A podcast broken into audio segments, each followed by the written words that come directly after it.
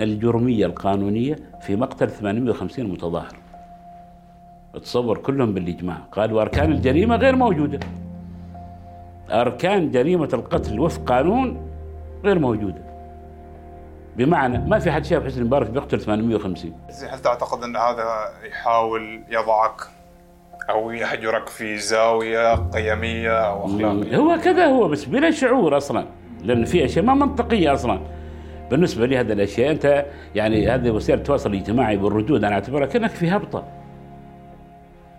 يعني فيه من كل ما هب ودب ناس تفكيرهم كذا وناس تفكيرهم عالي لذلك الوطن العربي ليش محارب بما يسمى إسرائيل هذا السرطان؟ حتى لا ينهض.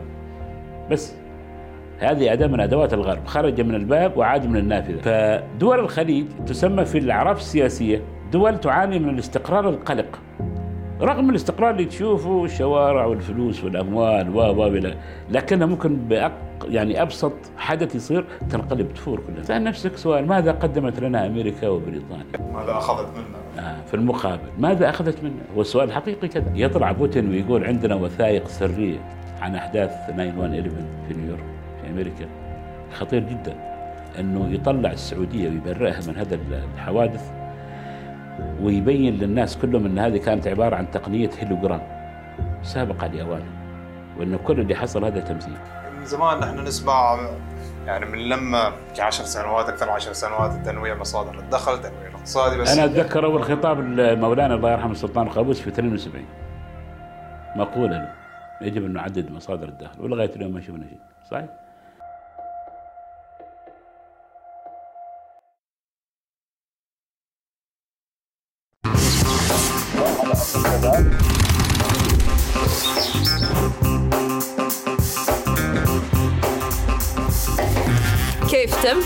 دون بدور بنطلع كيف تم؟ أيوه أيوه دان بسام كيف الاكل تم؟ أيوه done okay okay خلاص تم تم تم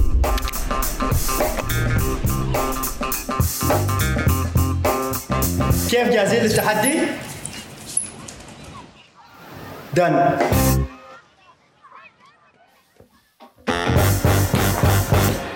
نوصل اللي في فؤادك وأكثر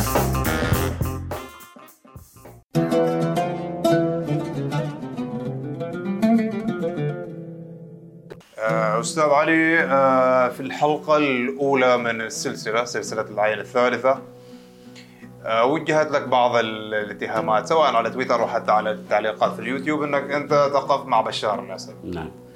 ف إيش ردك على هذا الاتهام؟ وتقف مع القذافي وتقف مع جمال عبد الناصر, عبد الناصر. وهؤلاء مجرمين. وطغاة ومعرفش وكذا إلى آخره وكذا إلى آخره. شوف اولا هؤلاء الناس بشار ومعمر القذافي وجمال عبد الناصر هؤلاء الناس يجب أنك تصنفهم. ناس دعاة ثورات ونضال وتغيير و و إلى آخره وكذا. هؤلاء أول شيء يا محمد لا يمكن قراءتهم من اليمين. هؤلاء تقراهم من اليسار. ليش؟ إذا قراتهم من اليسار بتعرف قيمتهم. بتعرف مانديلا كيف وصفهم، بتعرف كيف وصفهم جيفارا، بتعرف كيف وصفهم جوزيف بروز تيتو، بتعرف كيف وصفهم نهرو، كيف زعامات عالمية، كاسترو زين. فأنت الآن بين خيارين؟ هل أنت تميل إلى وصف هؤلاء الناس على ألسنة هذول المناضلين ولا على ألسنة الطابور الخامس هذا الأمريكي اللي موجود بيننا أو الإعلام الأمريكي الناطق بالعربي؟ سميه كما تشاء اليوم. فمسألة شوف أنك أنت تختلف مع إنسان على سبيل المثال اختلف. أن أنا معاه ولا ضد؟ لكن لما تدخل في الجانب القيمي في الجانب القيمي أن أنا لست ضد أنا أنا ضد هؤلاء الناس لأنهم طغاة ومجرمين. وهذه أحكام مش آراء. لما تقول لي فلان طاغية ومجرم اثبت لي. إذا كان تعرف أيام الأحداث في شو اسمه بينما إذا لو قلت لي مثلا إنه النظام ما يعجبني أو شيء من يعني هذا رأي يختلف. لكن لما تصدر تصدر أحكام يقول لك جيب لي البراهين. جيب لي الدليل إن هذا طاغية وهذا مجرم. فهمت كيف؟ بينما شوف أيام أحداث 25 يناير في مصر اختلف كل القانونيين في مصر عن مسؤولية الرئيس حسني مبارك مسؤوليته. زين. الجرمية القانونية في مقتل 850 متظاهر.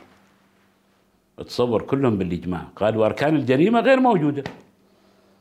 أركان جريمة القتل وفق قانون غير موجودة. بمعنى ما في حد شاف حسني مبارك بيقتل 850 هذه أركان جريمة نتكلم عنها.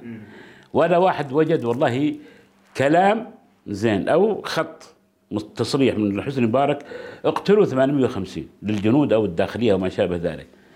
إذا مسألة الاتهام الجرمي غير موجود. لكن أين مسؤولية هذا الرجل؟ مسؤوليته سياسية لأنه كان رئيس البلد. هذا غير.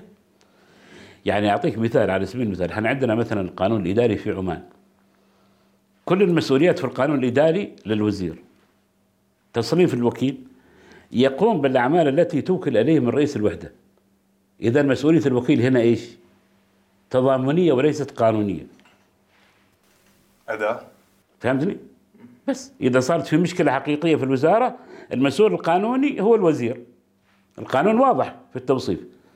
زين. والوكيل والوكيل مسؤوليته تضامنية. اذا لو أنا طالب من زمان أقول لهم يا جماعة أعطوا صلاحيات قانونية للوكيل. حتى يدخل أيضا في جانب المسؤولية القانونية. الوكيل يقول لك أنا أعطاني الوزير صلاحية كذا وسويت كذا. لكن هو المسؤول.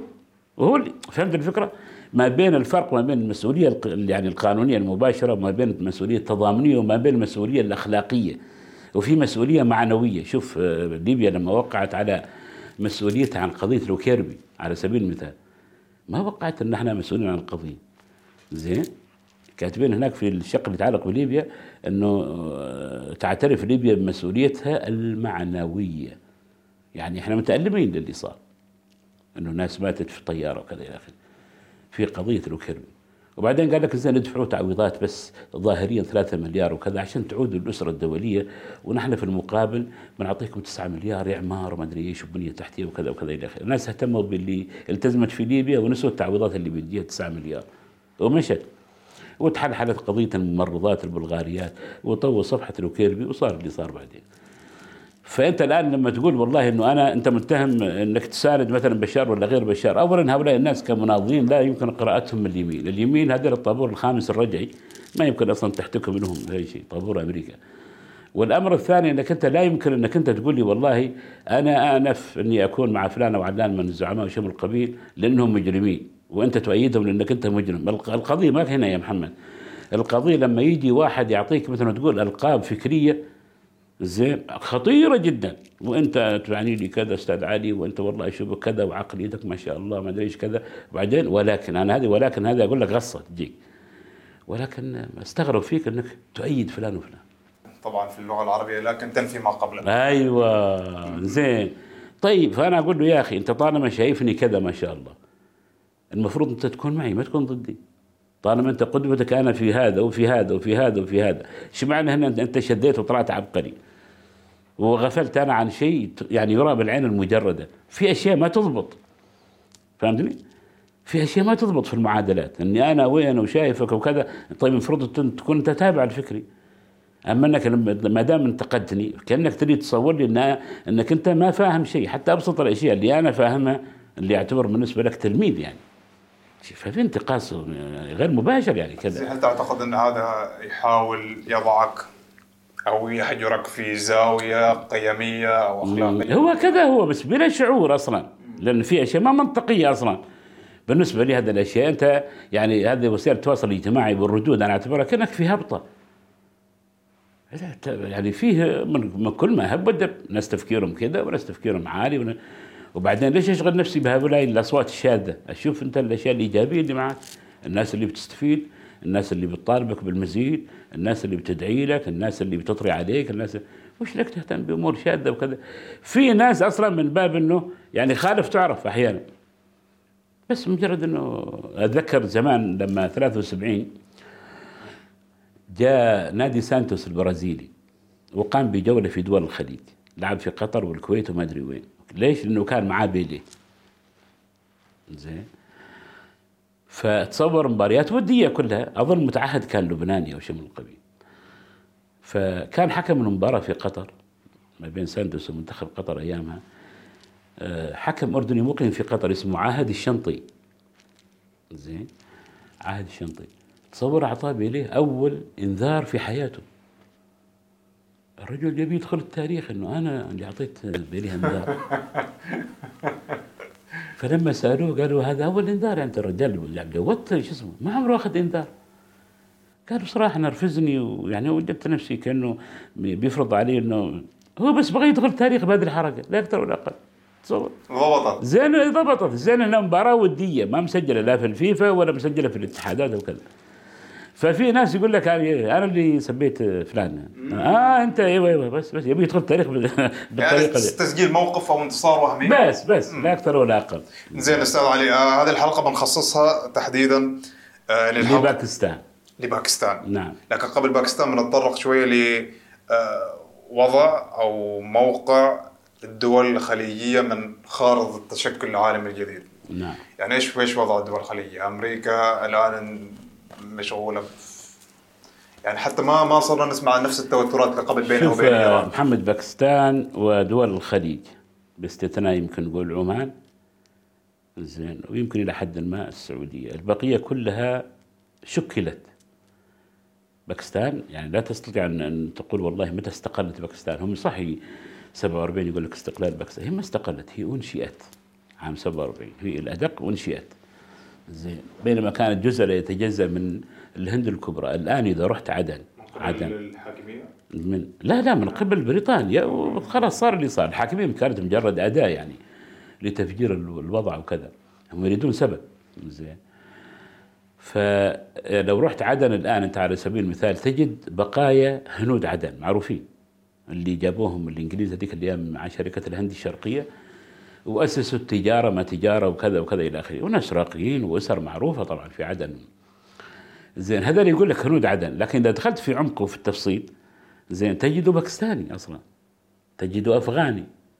تجده بنغالي. أو تجده هندي بالهند الحالي.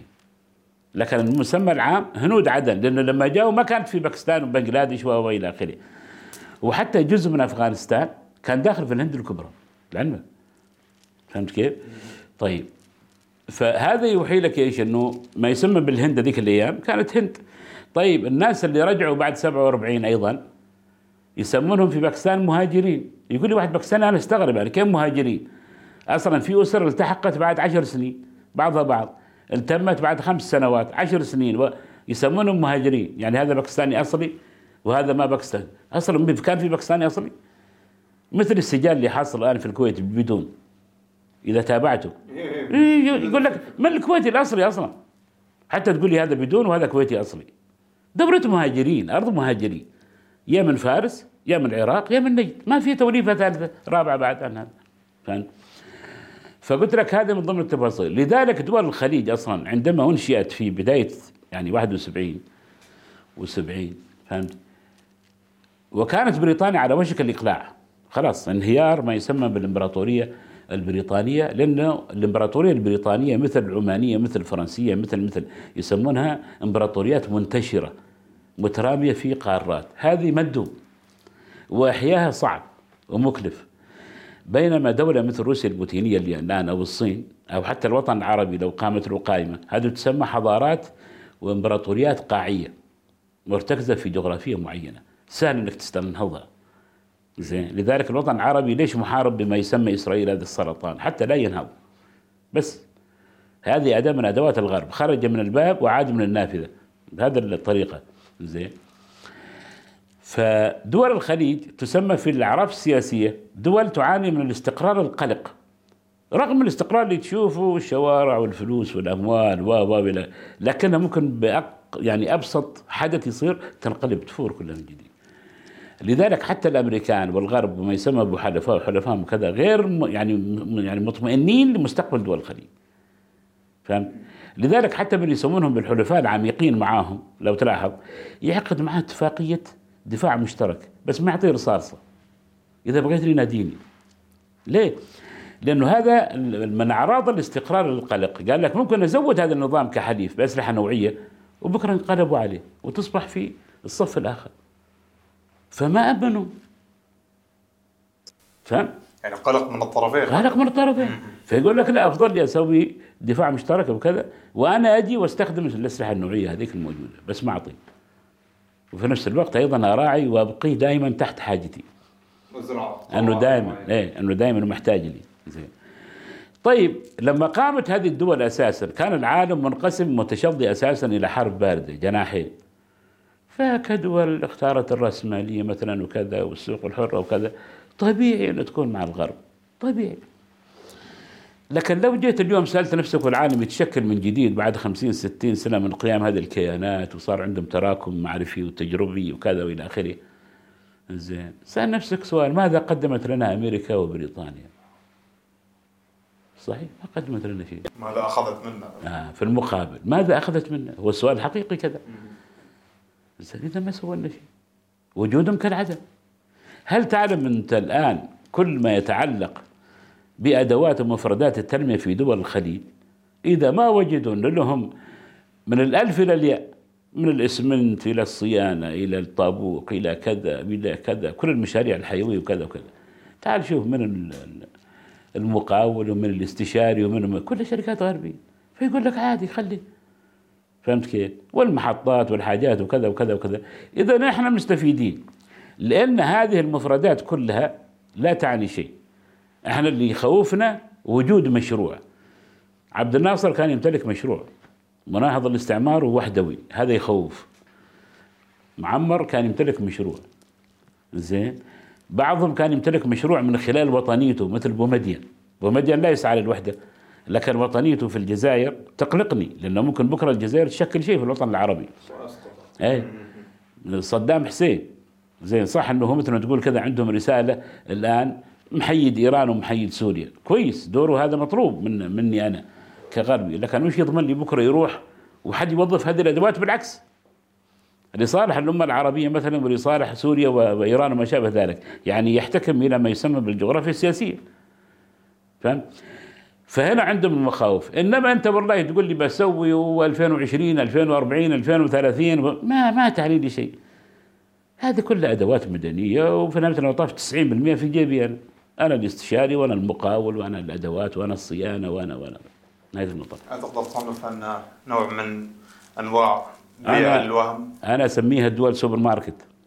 يعني دول عبارة عن سوبر ماركت ضخم كذا لكن لا تمتلك فيه شيء. يعني أنت الآن مثل طريقة الناس اللي تخلط ما بين محمد ما بين الأمن الغذائي والاكتفاء الغذائي. أنا عندي فلوس ممكن أشتري ما شاء الله مخازن أوفر لمدة سنة. هذا اكتفاء غذائي.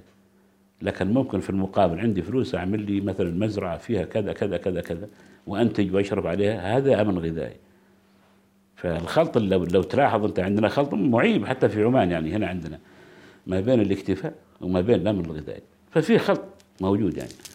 فناس يعتقدوا أنه وجود علم وعملة ونشيد وطني العبره في متى تقول لا ومدى يعني آه، منسوب الكرامة عندك أنت في في في مرحلة معينة اللي ممكن تقول له وقف هنا وهذا ما وهل ما وهل هذه الدول تقدر يعني- تقول لا؟ نعم تقدر تقول لا؟ للأسف لا بس يفترض الآن يفترض الآن بعد هذا الوعي وبعد هذه التجربة زين وفي ظل تشكل العالم من جديد وخروج قطبين قويين مثل روسيا والصين. وهذول الأقطاب مش عقائديين عندهم عقيدتهم الوحيدة هي المصلحة. وقبل هذه المصلحة هي احترام سيادة الدول والقانون الدولي. أنا هذا اللي أحتاجه. مش قانون البلطجه الأمريكي. فهمت كيف؟ فيفترض بدول الخليج أنه تجد لنفسها مساحة الآن على الأقل رجل هنا ورجل هنا بتوازن. يكون له وجهة نظر. وقبل ما تنتقل هذه النقلة بيني وبينك أنه تغلق البؤر الداخل. مثل ملف اليمن ما ملف اليمن وما شابه ذلك وتعود إلى مسألة إيش؟ إنه يعني حسابات الجغرافيا. يعني دول الخليج واليمن هي تحصيل حاصل هذا ما يتكلم عنه أحد. القوة هذا النسيج الاجتماعي والجغرافي والسياسي ما يمكن أن يشكله. يصير عندك على الأقل ما يقارب يمكن تقريبا 80 مليون إلى 90 مليون. إذا بكرة الله هداك وانفتحت على العراق صار عندك تقريبا 120 مليون. زين بكرة مع إيران وهو يفترض طبيعي أصلا. صار عندك 250 مليون. إذا سوق خرافي. فهمت كيف؟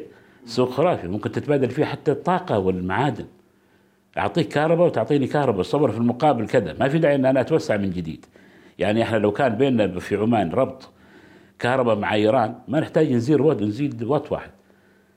زين هم يأخذوا من عندنا في الشتاء ونعطيهم فلوس. وإحنا نعطيهم يأخذ منهم في الصيف. لأن الجو عندهم بارد. إحنا عندنا حر.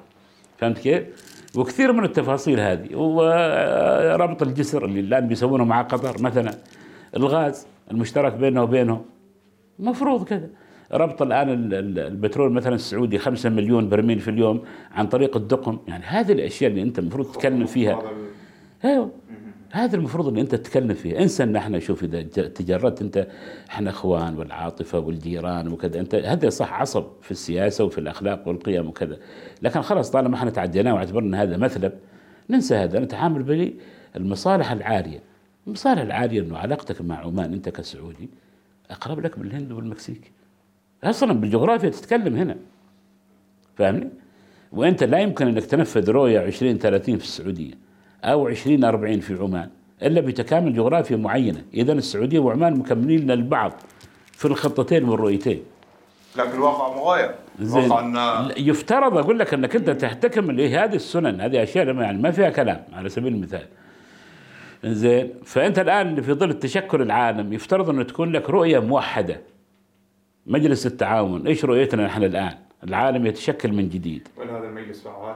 يعني يفترض أنه على الأقل الآن يعملوا له مثل ما تقول المصالح ينسوا مسألة ما, ما, فات والخلافات اللي كانت موجودة وين المقر وين من بيكون ومن بتحطه من ما أدري وكذا الآن عندك في أشياء يعني ما راح ترحمك أنت الحين فيفترض أنك يكون عندك تفكير مصلحي خليك من العاطفة ما اول حتى العقلانية مصلحتك وين تقتضي؟ تقتضي أنك أنت والله تكون متوزع ما بين القوتين ولما تفهم هم مشكلتهم بيتعاملوا مع روسيا اليوم علينا الاتحاد السوفيتي لا زال عقلية ال- الأثر الرجعي هذا روسيا اليوم ما عاد فيها شيوعية. روسيا اليوم دولة مثل ما هم يقولوا دولة رأسمالية دولة ليبرالية دولة فيها انتخابات. الشيوعيين ما عندهم إلا مقعدين ثلاثة في الدوم الحين. فهمت كيف؟ فما عاد في الفوبيا هذاك راح. تقدر تتعامل معاها وتكون ند لك وتعمل معاها صفقات واتفاقيات وما شابه ذلك. هم الآن متحسسين من سالفة الشيوعيه من؟ لا زالوا عايشين بأثر رجعي هم. هم عندهم الأثر الرجعي هذا. بينما حتى اذا إذا جيت تقارن ما بين يعني أضرار الشيوعية وأضرار الرأسمالية المتوحشة على دول الخليج الرأسمالية المتوحشة ما شاء الله فاقتهم بكل شيء. الشيوعية عندهم شوية نظريات وأشياء صارت ما صارت ما مشكلة. لكن هذول دمار على أرض الواقع. دمار منظم مره على طول. فهمت؟ فقلت لك في تفاصيل. شوف مسألة إنه يطلع بوتين ويقول عندنا وثائق سرية عن أحداث 9/11 في نيويورك في أمريكا خطير جدا. إنه يطلع السعودية ويبرئها من هذا الحوادث ويبين للناس كلهم إن هذه كانت عبارة عن تقنية هيلوجرام سابقه لاوانها وانه كل اللي حصل هذا تمثيل. فهمتني؟ إذا معناته قانون جاستا الامريكي اللي يحتجز 700 أو 740 مليار ضد السعودية وكذا سقط. يكفي السعودية تروح بهذا بس إنه خلاص لاعبين علينا. بكرة بتطلع لعبة من بيروت بكرة بتطلع لعبة من الحريري مصايب. فهم الآن من صالحهم يعترفوا انه إنه روسيا قوة عظمى يا أخي مش مش طبيعي أنت ما عليك من الأثر الرجعي اللي أنت شغال عليه. انه أمريكا وهي القضاء والقدر وهي تعز من تشاء وتذل من تشاء تعز من تشاء يعني تذل من يشاء الذل وتعز من تشاء له. بس في الحدود البشرية المتعارف عليها. 9 معقوله تكون hologram. hologram لأن أنا شفت لأنك أنت لما تشوف أصلا الطيارة فعلا كيف دا دا- يعني المفروض على الأقل برغي يطلع برا. لاحظ أنت. زين. قطعة من الجناح ولا شيء ولا هو كلها غايصة داخل. لاحظت؟ لأن في ناس كانوا مصورين. يعني ناس عاديين كانوا مصورين المشاهد موجودة على اليوتيوب ف أيوه كثير كثير. أقول لك روايات كثير روايات حول هذا الموضوع. تم استغلالها ودف تم استغلالها وقال لك انه أصلا هذول كانوا يصوروا فيلم هناك موجودين وتفاجئوا بالضربة والصوت الطائرة الأولى فاتتهم الثانية أيوه. طبعا خبرات المفجرات يقول لك هذا مو طبيعي أصلا يعني. كيف تدخل البرج بالكامل ولا قطعة تطلع برا؟ وهذه عبارة عن فولاذ ما فولاذ وفجأة تشتعل الأدوار كلها من تحت وش الالعاب الناريه دي يعني المفروض تحترق ثلاث أربع أدوار مثلا ولا برج كامل يطيح ولا فهمت؟ وبعدين ملاك الأبراج هذول أساسا كانوا مأمنين عليها كيف عرفوا؟ هم محتاجين يسووا هذا الفيلم كامل على إيه، إنه إيه، بالضبط إيه. في في في تفاصيل يعني يريدون فاجعة كذا يحتلوا فيها أفغانستان وثروات أفغانستان وتعويضات وكذا إلى آخره ففي تفاصيل غريبة عجيبه مثل قضية لوكيربي قضية لوكيربي ال- ال- ال- الليبيين لما عملوا فريق من من شو اسمه من آه، هذا فريق الدفاع مالهم المحامين خلوا الأمريكان يغيروا صحيفة الدعوة خمس مرات. أيوه ما منطقي. كل مرة يغيرون الدعوة. لا لا هي مش جهاز تسجيل لا طلعت شنطة فيها متفجرات. لا مش شنطة طلع فيها ما أدري صندوق فيه متفجرات لأنه ناس تقنيين قالوا ما يصير. مو معقول تقول لي جهاز تسجيل حجمه كذا فيه متفجرات كم TNT يعمل كل هذه البلاوي كلها. بغض النظر طاحت الطيارة بس آثارها مو آثار كذا كيلو جرام ولا لا لا. يغيرون الدعوة من جديد. لا هي ما كانت كيلو جرام خمسة كيلو جرام ما كانت خمسة فهمت؟ بعدين جابوا لهم ما يثبت إنه زين. ليش ولد فلان وولد فلان وولد فلان اللي هم شغالين في ال FBI أهاليهم؟ ليش طلعوا من الطيارة في آخر رحلة؟ آخر لحظة طلعتوهم لا لا لا هذه قائمة المسافرين. زين وهذه قائمة المتوفين. ما فيها. قلت في ناس عارفين واللي المصيبة اللي موجودة. أيوه. قس عليه هذه الأشياء. فقلت لك المهم يفترض انه دول الخليج الآن تعي إنه العالم يتشكل وأنه لازم يكون لها موقع من الإعراب وأنه تتحول من دول مثل ما تقول سوبر ماركت لدول فاعلة وبإمكانها عن طريق هذه الاقطاب الثنين الروس والصينيين ويحفظوا كرامتهم وسيادتهم ويكونوا دول نافذة ولها تأثيرها واثارها وما شابه ذلك. وتستطيع أيضا أن تتحول من دول مستخرجة للنفط إلى دول ذات اقتصاد متعدد الأبعاد. من زمان نحن نسمع يعني من لما 10 سنوات أكثر من 10 سنوات تنويع مصادر الدخل تنويع الاقتصادي بس أنا أتذكر أول خطاب مولانا الله يرحمه السلطان قابوس في 72 مقولة له. يجب أن نعدد مصادر الدخل ولغاية اليوم ما شفنا شيء صحيح؟ أنت عندك هذه الثروة مثلا يعني كأنه يجيك والله أنا أتصور كأنه أيتام ولا ورث ولا شيء يعني عندك بناية طيب هذه البناية هذا عمرها الافتراضي كم؟ 15 20 سنة. إذا ما استخدمت جزء من هذا الدخل في موارد أخرى بتنهد العماره وبعدين؟ هي بس تفكير بسيط الإنسان بسيط ولا كذا. فعندك هذا النفط أنت لا تستخرجه أصلا. زي لا تصنعه. الناس اللي يقول لك إحنا والله دول الخليج تنتج النفط. ما تنتج النفط هي. هي تستخرج النفط كأن عندك طوي بير غيرك اللي بيصنعوا بعدين وكذا وكذا إلى آخره. هم لو كان مثلا عملوا على إنتاج النفط كتصنيع البرميل يضربه في عشرة. فإذا كان عمان تنتج مليون المفروض عبارة عن 6 مليون. قيمته السوقية الإنتاج غير ولا مسألة الاستخراج وبيعه كمادة خام وكذا إلى آخره. أي شيء خام ما يجيب لك قيمة. الأسماك خام ما يجيب لك شيء. يعني هل تتصور أنت الحين تزرع لك نخيل؟ 7 مليون 8 مليون نخلة. وش وش تستفيد منها؟ الآن غير التمور مثلا. الدعون راحت. صح ولا لا؟ السعفيات راحت. زين. ب- بينما عمليا هي كل نخلة أو شجرة نارجيل تقوم عليها 95 صناعة. من بخور من فحم من اعلاف من أخشاب من تمور من من من من 95 طالما عندك خام اسمه نخيل أو نارجيل انتبه. زين 95 مصنع يقوم على هذا وعلى هذا طبعا في قواسم مشتركة بينهم. شفت حد سوى هذا حتى النارجيل تعليم ما حد نجح فيه. ليش سبب هذا التاخير؟ اتصل. ما في أنا ما أعرف إيش القصة في هذا. إحنا كنا ندرس من أيام المدرسة نسمع ان السياحة بتدخل. تعرف إن في بعض الدول المجاورة الاقتصاد الإبداعي اللي هو نفس ما نحن نعمل البودكاست. الابتكار والأفلام هذا داخل في الناتج المحلي الاجمالي بنسبة 3 أو 4% يا سلام. يعني هم يتكلموا عن شيء نحن كنا نتصوره إنه شيء بعيد. ونحن الآن جالسين نطمح إنه يكون عندنا اقتصاد اقتصاد إبداعي. نعم. وهذا كان في مخطط على فكرة في الخطة الخمسية اللي هي مسألة آه، آه، اقتصاد المعرفة. فهمت كيف؟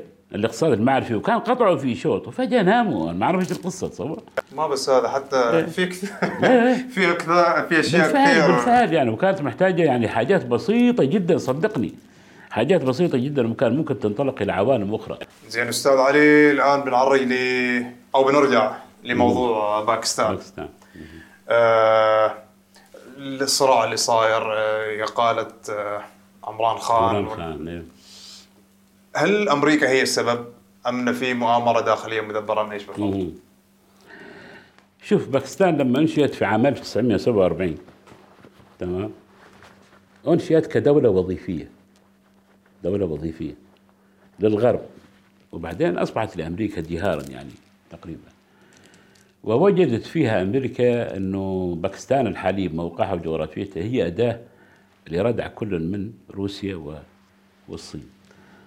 وقوتها الحالية طبعا تجسدت تقريبا من حرب أفغانستان. يعني عملت جهد مش طبيعي. وتعرف الجيش الباكستاني جيش محترف. وفي نفس الوقت المخابرات الباكستانية تعتبر الخمسة الأوائل في العالم. يعني قوية جدا مخابراتهم. وبعد فترة محمد علي جناح تقريبا المؤسس يعني كانت البلد في حالة ترميم. يعني ما كانت لها هوية سياسية أو ما شابه ذلك. يعني كانت منهمكة في الداخل. وبعدها تقريبا أظن جاء أيوب خان. زين. أيوب خان بدأت يمكن تظهر له ملامح النفوذ الأمريكي في باكستان وبقوة يعني. فعمل كتاب جميل يا ريت لو أحصله يمكن أرسل لك إياه. عمل كتاب ألف كتاب اسمه أصدقاء لا أسياد. يخاطب فيه الأمريكان إنه علاقتنا المفروض نكون أصدقاء مش أسياد تكونوا يعني. المفروض تكونوا أصدقاء مش أسياد. لأنه كان يشعر فعلا بالدونية أنه الطبقيه فيما بيننا وبين الأمريكان يتعاملوا معنا كخدم. مره على طول. زين وبعدها تقريبا مر على باكستان. يعني قول أنت محمد علي جناح إلى حد ما كان زعامة وطنية وكان في الفترة اللي هو فيها مشاغل داخلية وترميم النشأة وما شابه ذلك أو الانفصال. أيوب خان كان له دور نفس الشيء. زين. أغلب الناس اللي حكموا أساسا في الغالب كانوا المؤسسة العسكرية اللي كانوا موجودين بمباركة أمريكية. ولحد ما وصلوا إلى مرحلة ذو الفقار علي بوتو كان يعتبر فعلا أول من حاول أنه يزرع باكستان قوة. وهذا الرجل ذو الفقار علي بوتو اللي هو والد بنظير بوتو آه، كان وزير الخارجية وحضر آه، في الأمم المتحدة آه، عشان قرار آه، كشمير. كانوا رافعين قضية يطالبوا فيه بكشمير. تحديدا في اي فتره؟ تقريبا في 66 يمكن في 66 أو 67 فكان الامين العام هذيك الأيام واحد بورمي ورجل فاضل معروف جدا من الناس اللي تركوا بصمة في الأمم المتحدة اسمه يوثانت. وسلم القرار هذا موثق في فيديو سلم القرار ذو الفقار علي بوتو. بوجود الرئيس جورج بوش الأمريكي الأب كان مندوب أمريكا. وفي حد ثاني كان موجود في مجلس الأمن كان جلسة كذا مثل مكتب. فقال له هذا قرار مجلس الأمن بتقسيم كشمير. قالوا تقسيم كشمير وهي أرض باكستانية وكذا قال هذا القرار ليس قال وانت تسلمني هذا العار لاحمله إلى بلدي. ألا تخجل؟ ومزق القرار وحطه أمام. قرار تاريخي كان موقف تاريخي من هذا الرجل. قلت لهم هذا الرجل في هذه اللحظة تسلح بكل كبرياء باكستان. كل كبرياء باكستان. أحمل قرار تقسيم والشعب معلق اماله كلها على أنه كشمير باكستانية. وبعدها صار رئيس حكومة. ففي حملته على فكرة إذا ركزنا على الزعامات الوطنية ذو الفقار علي بوتو وهم على فكرة يمتلكون يعني في السند أملاك يعني تمشيها بهليكوبتر. هم في السند معروفين. ففي الحملة الانتخابية تعرف اشتغلوا على الجانب العاطفة الدينية وكذا كمجتمع باكستاني عنده تدين تقليدي مهما كان. زين. فأراد المناوئين له كذا أنه يحطموه يعني في ذاكرته وفي وجدان الباكستانيين. قالوا أنه علي بوتو يشرب الخمر. تعتبر متلبة كبيرة يشرب الخمر. هو رجل مسلم ما أعرف إيش هذيك الأيام ما كانت في نزعة المذهبية ولا هو شيعي. لو الآن كان قالوا هذا شيعي رافضي مجوسي. ما تمشي عندهم. كمجتمع. زين فجاء هو بعدين في في مناسبة بيخاطب آه، شو اسمه مناصرين وكذا لهم يقولون عني بأنني أشرب الخمر. وأنا أقول لو شوف فرضية يعني آه، لو كنت أشرب الخمر فإنني لا أسكر باكستان معي. انتبهوا. يعني حتى لو كنت لو كنت أشرب الخمر لا أسكر باكستان أسكر لوحدي. فهمت؟ المشكلة في اللي يسكرون باكستان. فهمت؟ فهذه من الأقوال اللي بقت وبعدين الرجل عمل مشروع القنبلة الإسلامية بالاتفاق مع أبو مدين ومعمر القذافي. اتفقوا على إنه ال- العقل الباكستاني عبد القدير خان والتمويل ليبي والتفجير يكون في أرض الجزائر لأنه في أماكن فجرت فيها فرنسا في جنوب الجزائر منطقة يسموها رقان في أدرار جنوب الجزائر. قال لهم ابو مدين ما عندي مشكلة لأن المشكلة وين تفجر؟ كقنبلة ومشروع مثل هذا بس بدون إشعاع انتبه عشان بس تعرف القوة التفجيرية. واتفقوا على هذا. طبعا القصة معروفة إنه جاله بعدين كيسنجر لما تسرب الخبر وقالوا إلغي المشروع بالكامل قالوا لا كل الأمم امتلكت قنبلة ذريه إلا المسلمين. هذه قنبلة إسلامية لابد أن ترى النور فقالوا يعني ما راح تلغي؟ قالوا لا ما راح تلغي. قال سأجعل منك أقصوصة على ألسنة الناس. قالوا كذا بالفعل الرجل في 79 جاء ضياء الحق قائد الجيش وعمل انقلاب وسجنه وعمل له فساد وما أعرف إيش وما أدري إيش وكذا. آه، وقتل ولما انتهت مهمة ضياء الحق بعد ما سمي بالجهاد الأفغاني وكذا زين خطب في الشعب الباكستاني واكتشف إنه هو لعوبة بيد الأمريكان وقال إيه؟ وقال لهم المقولة الشهيرة قال من يتعامل مع أمريكا كمن يتاجر في الفحم ليس له من تجارته سوى سواد الوجه والكفين. وبعدها بشهرين ركبوه في طيارة وعشان يعطوه الأمان ركبوا معاه السفير الأمريكي في إسلام آباد وفجروه. هو ليه؟ على انه يكون قضاء وقدر يعني. عمليات استخباراتية يعني ما ما فيها رحمة. وتخلصوا منه واصبح قصوصة. نفس الشيء. وبقى ذو الفقار طبعا في أذهان الباكستانيين زعامة. لم تهنى باكستان عند بعدها من زعامة حقيقية إلا عمران خان. رجل له حضور هو بشتون من أكبر طيف قبائلي موجود في باكستان.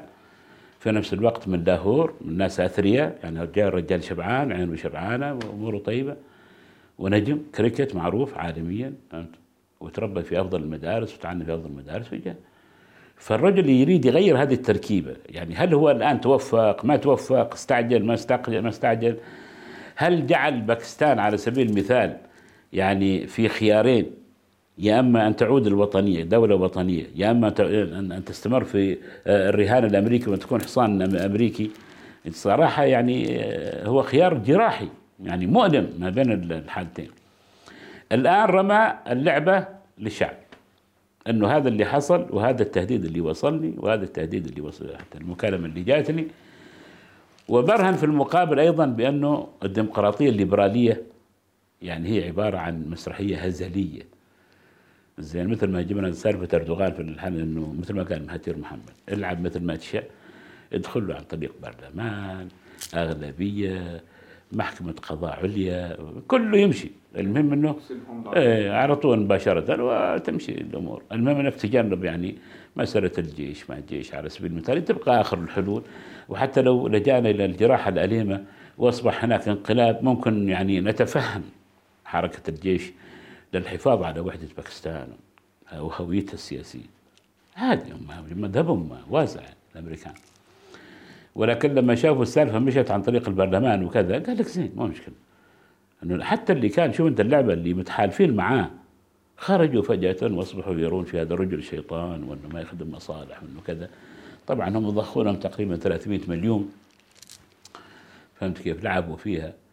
فقلت لك هذه ال- ال- ال- ال- البنى الديمقراطية عندما تبنى بهذه الهشاشة المستوردة ولا تنبع هذه الأدوات أو هذه التجارب من حاجات الشعوب لما توصل مرحلة حاجة يعني كأنك أنت الآن عندك مثلا لما كان عندنا في عمان لو لو تعود بالذاكرة مع الناس اللي كانوا موجودين في السبعينات تقول له متى أنشئت أول ثانويات في عمان؟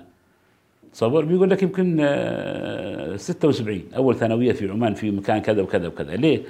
لأنه أصلا الثانوية كان يجون قطر اللي في الثانوية كانوا يدرسونها في قطر حتى الإعدادية يجون قطر لأنه أغلب مناطق عمان ما فيها مدارس إلا ابتدائية بس وبعدين بدأت إعدادية واحيانا تكون إعدادية وثانوية مع بعض لقله الطلاب اللي فيها تصور فأنت الآن طالما يعني يعني وش لك من مثلا من السبعينات؟ إنك تعمل مدارس في كل الولايات ابتدائية وإعدادية وثانوية. لاحظ أنت الحين كل الناس اللي معك كلهم في الابتدائيه وش لك بهذيلا حتى مستقبلا يعني ما ما- مو صحيح. فنتيجة حاجة والتجربة التراكمية وكذا وصلت الأمور هكذا. الديمقراطية هكذا. لما توصل الناس من الوعي وكذا وتبدأ الناس يعني آه، تنشغل بأمور حياتية اعم بدل ما كانت تشتغل في بنيان ووظيفة وين بشتغل وزواج ما اعرف كذا هذه أمور حياتية. يعني إلى إلى الثمانين ما كان عمان يتكلم عن مسألة المشاركة في الحكم أو كيف بكون أو أو حرية تعبير أو كذا لأنه جاي من غربة ولا من كذا ولا كذا مشغول كيف يبني إنه وجد دولة أخيرا زين يستقر عليها وظيفة وكان منشغل في أمور دنيوية خاصة تعنيه مباشرة. طيب بعد التسعين تقريبا احتلال الكويت وكذا بدأ الناس يتكلم عن مسألة إيش؟ إيه، مسألة الحرية وسقف الحرية والكلمة وكذا وكذا إلى آخره ومجلس شورى جاء و- وجاءت كل هذا تباعا فهذه التجارب لما تيجي نتيجة حاجة دائما دائما تكون راسخة وقوية. لكن لما تستورد يعني أنت خذ فلسفة الشيء. وش بغيت بالبرلمان؟ أنه يكون رقابي تشريعي طيب ما شرط تسميه برلمان ولا تجيب لي من بريطانيا ولا ولا. ممكن تفعل حتى المجلس البلدي يصير يراقب ويشرع. والمجلس البلدي يا محمد امتداد للسبل. يعني شيء نابع منك تطور صح ما مش في مجالس مناسبات عندنا في عمان. هذا المجالس زمان ما كانت سبله ودعون. فهمت؟ وإحنا عندنا في ظهور شيء اسمه الدكة. كل حارة فيها دكة دكتين مال البيت فلان يلتقوا الناس فيها دائما كبار الناس. يلتقون فيها من العصر إلى المغرب. ويتكلم عن شؤونهم وكذا وفي حاجات ومجالس وعراف وأشياء و- هكذا. وكان عندنا في الحصن في شيء اسمه البرزة أيام سلطان سعيد وأيام تيمور. البرزة عليه القوم محظوظ إذا عندك رخصة من السلطان سعيد ويقول خلوه يحضر البرزة. مطبخ البلد هناك. كل جديد تسمع. فهمت؟ فباكستان جاتها اللعنة هذه. وش ممكن تستفيد؟ انه الأمريكان هذول إذا خلوك نظام وظيفي ما فيه إلا نهايتك. يعني سبق أنه نحروا ونحروا ونحروا إلى آخره. إيش تتوقع موقف زين. والله هو الآن شفت أنا شفت له مناصرينه في في بيشاور ولاهور خطير جدا. ناس كثير طال- طالعين الشارع وهو مأجج الموضوع. ما ظنيت بيخليهم لو استمر وعي الشعب الباكستاني بأنه هذه مرحلة انتقالية والعالم يتشكل من جديد وممكن جدا يوقفوا معاه الروس والصينيين انتبه لأن باكستان عصب.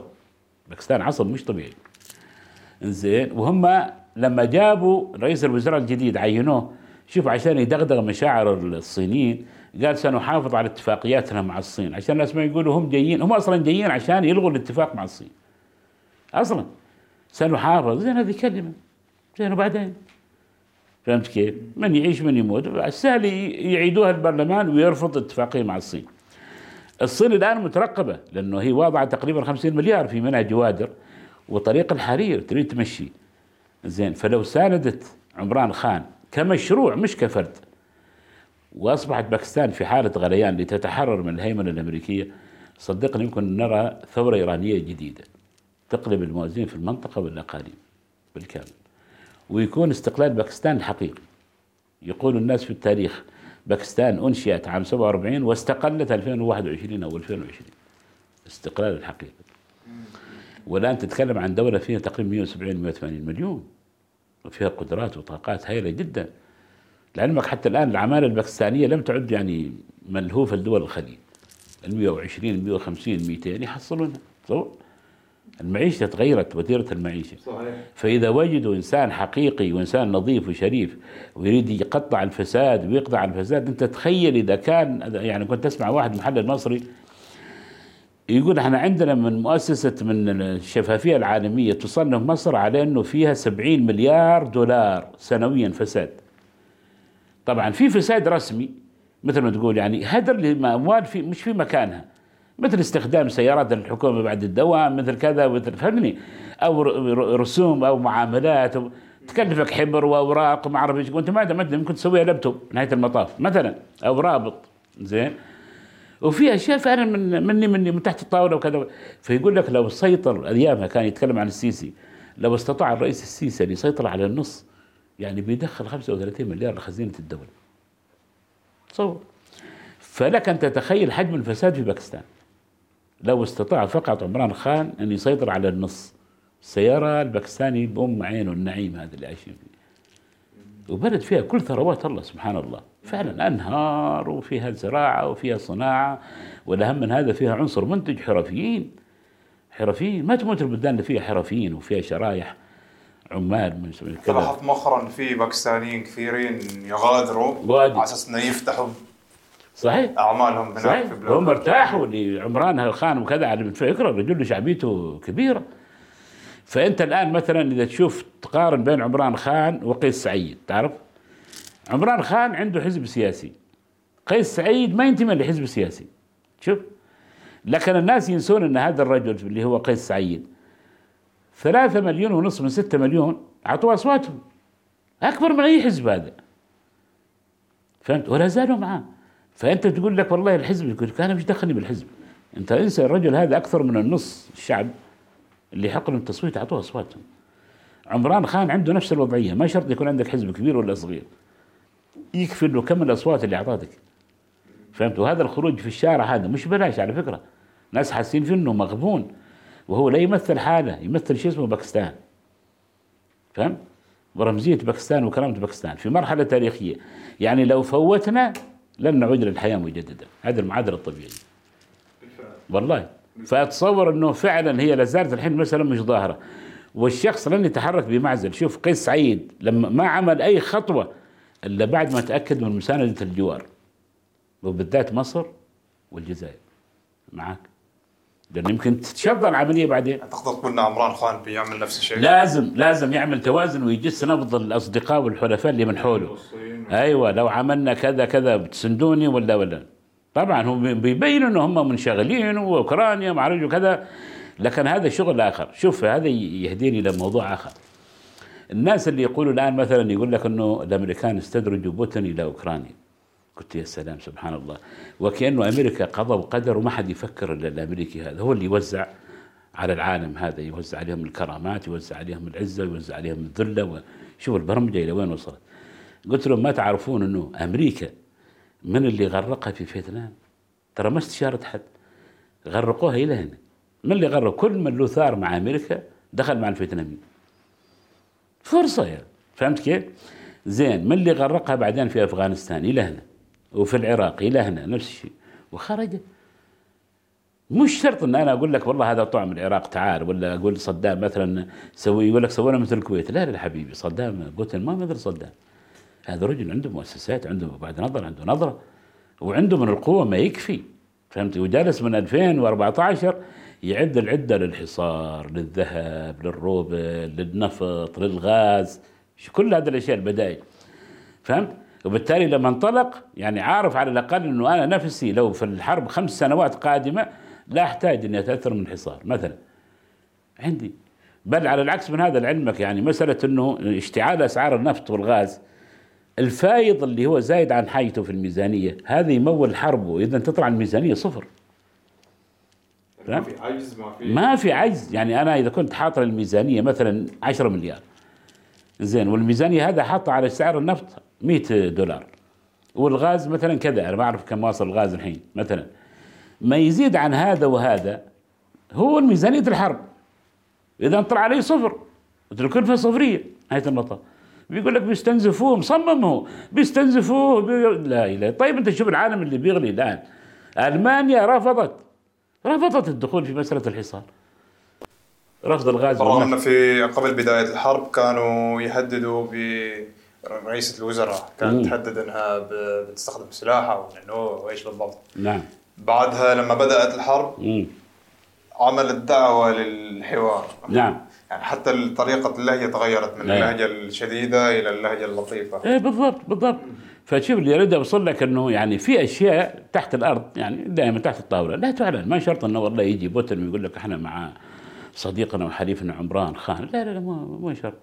مندوبي رايح جاي يمسك ملف باكستان ومنسق معاه ما في إشكال. هل تعلم أنه بنظير بوتو اللي اوصلها للسلطه العراق. ضابط مخابرات عراقي راح إلى بيشاور آه، عفوا إلى كراتشي والتقى فيها قبل في لندن. ومعاها 400 مليون دولار نقدا. صرفها على المناصرين حتى وصلها. هل تعلم أنه بعدين هي خرجت من السلطة في عام 90 لأنه بلغت صدام بساعة الصفر. متى بيضربونه؟ في احتلال الكويت. والأمريكان رصدوا وشالوها فهمت؟ تفاصيل يعني. المهم عندك إرادة أنت عندك إرادة. العالم كله يتحرك بأساليب وأدوات مفتوحة ما تتخيلها. ما اعرف شوف العراق وين وبنظير وين؟ كانت في بريطانيا ذيك الأيام منفية. تواصلوا معه. ممكن ترجعي كذا وكذا وكذا طيب عادي. واموالهم محجور عليها. لا أحد يقول لك والله أنت قلت الله في السند اموالهم محجور عليها كلها. من أيام وفاة والدها. بمسمى الفساد وما أدري إيش وكذا. كم تحتاج 400 مليون. 400 مليون. بيديك ضابط. هناك ويشتري أصوات كما يشاء. مش قصة يعني. فاهم فقلت لك هذه من التفاصيل اللي يمكن يعني الناس يغفلونها أو يقول لك والله الأمريكان وعندهم وكذا. لا بالعكس هم بيتحركوا بطريقة يعني لحد ما ينهكونهم تماما وقد يضطروا الروس لعلمك الخاص والصينيين إلى فتح جبهة باكستان عشان يخفوا عن أوكرانيا. تصور؟ يعني هذا احتمال احتمال وارد جدا. إيه، إذا بغوا يستنزفونهم صح وعندهم استعداد. صار لها ثلاث أشهر تقريبا. عادية. هذا من ضمن استراتيجية الروس قلت لك. كل ما طالت الحرب أول شيء تمكنا من إخراج المدنيين انتبه وبقت أهداف عسكرية. كل ما طالت الحرب عملنا انقسام في الوجه الجانب الآخر الأمريكي الأوروبي. وفعلا كل يوم يطول يبان عليهم أعراض الحصار مش روسيا. يعملوا ضغط أصلا أيوة. بأفواج اللاجئين اللي تروح بالضبط. بالضبط. يعني الآن عندك تقريبا اللاجئين تعرف وصلوا يمكن تقريبا 4 مليون. 4 مليون بتقدير لو كل واحد يكلفك في اليوم 100 دولار هذا 12 مليار في الشهر. من بيدفع؟ بالفعل. 12 مليار في الشهر. هذا بس حصار واحد يعني. آه، الأستاذ علي المعشني ال- ال- الحديث يطول في سلسلة العين الثالثة. نعم. إن شاء الله هذه السلسلة بنخليها حتى اللي بعد. بنخليها مفتوحة. بال- بالضبط. بالضبط. وكل ما نشوف جديد مباشرة إن شاء الله. ممتاز جدا. راح نعمل إن شاء الله حتى لو ربع ساعة. فلاش. عظيم جدا. عظيم جدا. جلسة كرك دائما. ترحب. وتتشرف الله يسلمك. آه، رسالة أخيرة لمتابعي البرنامج والله نتمنى إن شاء الله أن نكون خفاف عليهم ومفيدين لهم. يمكن هذه الحلقة بتكون قبل العيد. إن شاء الله بإذن الله وعيدكم مبارك وكل سنة وأنتم طيبين إن شاء الله من الفائزين الغانمين يا رب ينعاد علينا وعليكم على الامه العربيه الاسلاميه بالخير. فهمت؟ وإحنا بغينا يعني أيضا نعمل شيء من آه، من الوعي. نطرق اشياء غير مطروقة.